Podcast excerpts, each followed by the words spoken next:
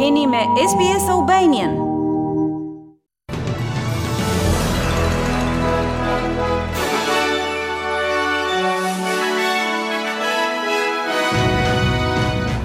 Në buletinin e sotëm informativ do të ndiqni. Organizata e Kombeve të Bashkuara paralajmëron se koha për veprim për të mbrojtur oqeanet e botës është tani. Rusia ka filluar ndërtimin e blloqeve të banimit në qytetin ukrainas të Mariupolit dhe në tenis Venus Williams e shënon një rikthim triumfues në Wimbledon. Dhe vazhdojmë më gjerësisht me lajmet. Ushtria ruse ka nisur të ndërtojë apartamente banimi në Mariupol të Ukrainës. Punimet e ndërtimit mbikëqyren nga kompania e ndërtimit të ushtrisë ruse. Një përfaqësues bëri një vizitë në një model apartamenti dhe përshkroi lehtësirat që do t'u afrohen banorëve të ardhshëm. Oleg Pekençin thotë se puna po kryhet me një ritëm të përshpejtuar. Construction is being carried out by the military construction complex of the Ministry of Defence. To date, we have more than five hundred people working at the facilities, Ndërtimi po kryhet nga Kompleksi i Ndërtimit Ushtarak të Ministrisë së Mbrojtjes. Deri më sot, kemi më shumë se pesëqind persona që punojnë në këto objekte. Puna po kryhet me ritme të përshpejtuara. Sot po vendosim lidhjet e shërbimeve në terren, po ndërtojmë fasadat, punime montimi po punohet në gjashtë kantiere, siç thashë, dhe planifikojmë të fillojmë punën në dymbëdhjetë kantieret e ndërtimit nga mesi i muajit. Mariupol ishte vendi i betejave intensive midis forcave ukrainase dhe ruse dhe është marrë tashmë tërësisht nga Rusia. Të paktën njëzet e një fëmijë janë vrarë ose plagosur në këtë javë që pati intensifikim të dhunës në të gjithë Ukrainën, thotë organizata Shpëtoni Fëmijët. Vetëm ditën e kaluar janë vrarë tetëmbëdhjetë persona, përfshirë fëmijë, dhe të tjerë janë plagosur në sulmet me raketa në një ndërtesë me apartamente në një vendpushim në Odesa të Ukrainës jugore. Këto vdekje dhe lëndime janë një kujtesë e rëndë se fëmijët po mbajnë peshën kryesore të këtij konflikti, thotë organizata Shpëtoni Fëmijët. Një konferencë e Kombeve të Bashkuara ka paralajmëruar se masat e nevojshme për të mbrojtur oqeanet e botës po vonohen dhe u kërkoi vendeve të përshpejtojnë zbatimin e tyre.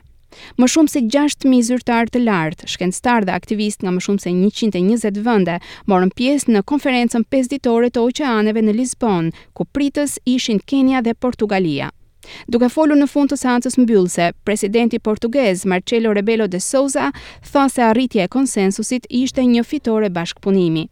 We wanted, together with Kenya, to make from this conference, at a time of pandemic and war, a sign of peace. Ne donim që së bashku me Kenian, ta mbanim këtë konferencë në një kohë pandemie dhe lufte, si një shenjë paqeje me natyrën dhe paqe mes njerëzve, si simbol të bashkëpunimit. Momenti i mobilizimit dhe jo të soditjes, dhe na duket se në një moment kaq të vështirë për gjithë botën e arritëm. Një deklaratë e publikuar në ditën e fundit tha se delegatët ishin thellësisht të alarmuar nga emergjenca globale që i kanosen oqeaneve, qëndrueshmëria e të cilëve është kritike për planetin tonë. Të rejat e fundit që janë zbuluar në lidhje me përpjekjet e ish presidentit Donald Trump për të përmbysur zgjedhjet e 2020-s kanë ekspozuar dobësitë politike në rritje, ndërkohë që vetë Trump i ka vënë syrin një tjetër oferte presidenciale. Një ish-ndihmës i Shtëpisë së Bardhë këtë javë e përshkoi zotin Trump si një udhëheqës të pabalancuar mendërisht, që nuk pyeste për sigurinë e zyrtarëve të zgjedhur në asnjërën nga partitë, derisa u ngjit në pushtet më gjashtë janar dy mijë e njëzet e një. Dëshmia nga paneli i Kongresit që ka hetuar sulmin në Kapitol u ka shërbyer prokurorëve si një bazë që të mundet ta akuzojnë Trumpin për një akt kriminal. Ndërkohë në Libi, po zhvillohen demonstrata në Tripoli dhe Bengazi dhe disa qytete të tjera për të protestuar kundër ndërprerjeve të vazhdueshme të energjisë dhe përkeqësimit të kushteve të jetesës për shkak të dështimit të qeverisë. Demonstruesit kanë sulmuar ndërtesën e parlamentit libian në Tobruk, duke rrëzuar portën e ndërtesës me buldozerë, si dhe u vunë flakën makinave të anëtarëve të parlamentit. Ndërtesa ishte bosh kur protestuesit hynë në të.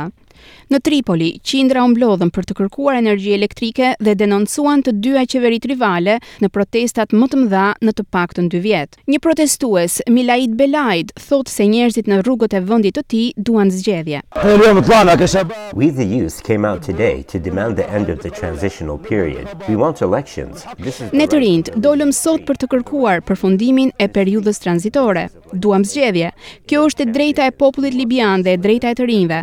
Populli është baza e legjislacionit. Mjaft me tranzicione, ne duam zgjedhje legjislative dhe presidenciale. Ndërkohë në Spanjë, mijëra njerëz kanë dalë në rrugë në të gjithë Spanjën për të protestuar kundër vdekjes së të paktën 23 personave në kufirin midis enklavës spanjolle të Melilla dhe Marokut. Demonstratat u mbajtën nën emrin Las vidas negras importan ose Jetët e njerëzve me ngjyrë kanë rëndësi. Vdekjet ndodhën me njëzet e katër qershor gjatë përpjekjeve të përsëritura nga qindra emigrantë dhe azilkërkues subsaharianë për të kapërcyer kufirin. Shoqata e Marokut për të Drejtat e Njeriut ka kundërshtuar numrin zyrtar të vdekjeve duke raportuar se njëzet e shtatë emigrantë kanë humbur jetën. Organizata joqeveritare spanjolle Walking Borders ndërkohë raportoi 37 viktima. Autoritetet marokene thanë se emigrantët vdiqën si pasojë e një rrëmuje paniku. Victoria Munoz është një nga protestueset. The Spanish president uh, confirmed this version, confirmed the version that uh, the Moroccan police and Spanish police work together in order to protect or something like that uh, the Spanish coast. Uh, Presidenti spanjoll konfirmoi versionin se policia marokene ishte së bashku Për të mbrojtur të ashtuquajturit kufij spanjollë. Unë nuk mendoj kështu. Në fakt, që të mbrojmë kufijtë spanjollë, ata vranë shumë njerëz me ngjyrë. Ata vazhdojnë dhe do të vazhdojnë të vrasin njerëz, sepse Spanja kështu funksionon, ka thënë ajo. Në Zvicër, Zvicra ka lejuar martesat e njerëzve me të njëjtin seks dhe çiftet e para u martuan zyrtarisht të premten. Këto martesa janë kryer pasi gjashtëdhjetë e katër pikë një për qind e votuesve mbështetën ligjin Martesa për të gjithë në një referendum kombëtar. Ky ligj i vendos partnerët e të njëjtit seks në një bazë ligjore të barabartë me çiftet heteroseksuale, duke i lejuar të adoptojnë fëmijë së bashku dhe u jep mundësinë të sponsorizojnë një bashkëshort apo bashkëshorte për të marrë shtetësinë zviceriane. Zvicra autorizoi partneritetet civile të të njëjtit seks në 2007-ën. Me një popullsi prej 8.5 milion banorësh, Zvicra tradicionalisht konservatore ishte deri të premten ndër disa vende të Evropës Perëndimore që nuk i njihnin martesat e të njëjtit seks. Greqia, Italia dhe mikroshtetet e Andorrës, Monakos dhe San Marinos lejojnë vetëm çiftet heteroseksuale që të martohen, si dhe shumica e vendeve në Evropën Qendrore dhe Lindore ende nuk lejojnë martesat e të njëjtit seks.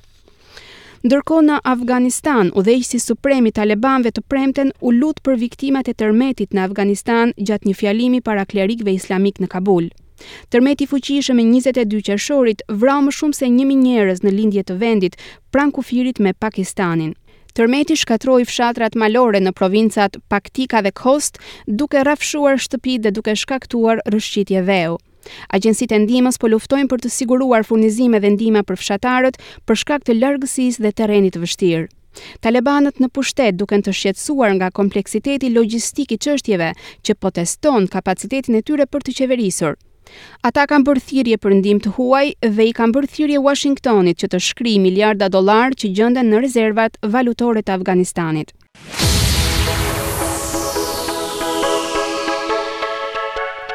Dhe në sport, Venus Williams po shënon një rikthim triumfues në Wimbledon, duke fituar në lojërat dyshe përkrah Jamie Murray. Pesë herë kampione në lojërat teke, Williams ende nuk ka ndërmend të tërhiqet nga tenisi, ndërsa ka fituar ndaj Michael Venus dhe Alicja Rosolska. 42 vjeçarja vitin e kaluar u tërhoq herët nga turneu i Grand Slamit duke humbur në raundin e dytë në lojërat teke, por është kthyer befasisht sivjet në lëndinat e Londrës në turnamentin e famshëm të Wimbledonit.